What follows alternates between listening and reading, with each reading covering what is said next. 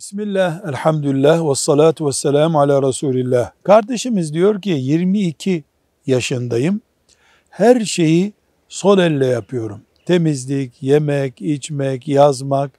Çok uğraştım. Sağ elle yiyemiyorum. Sağ elle yazamıyorum. Ben Peygamber Efendimiz sallallahu aleyhi ve sellemin sünnetine aykırı yaşayan bir Müslüman mıyım? Diyoruz ki bir insanın sağ eli olmasa her şeyini sol elle yapacak, sol elle yemek yiyecek ve günah olmayacaktı.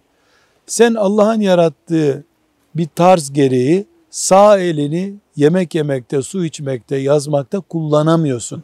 Bunun için de uğraştın. Yapılacak bir şey yok. Nasıl sağ eli olmayan sol elle yemek yediği için vebale girmiyorsa sen de hiçbir şekilde vebale girmiyorsun. Çünkü sen biliyorsun ki ve istiyorsun ki Allah sağ el emretti.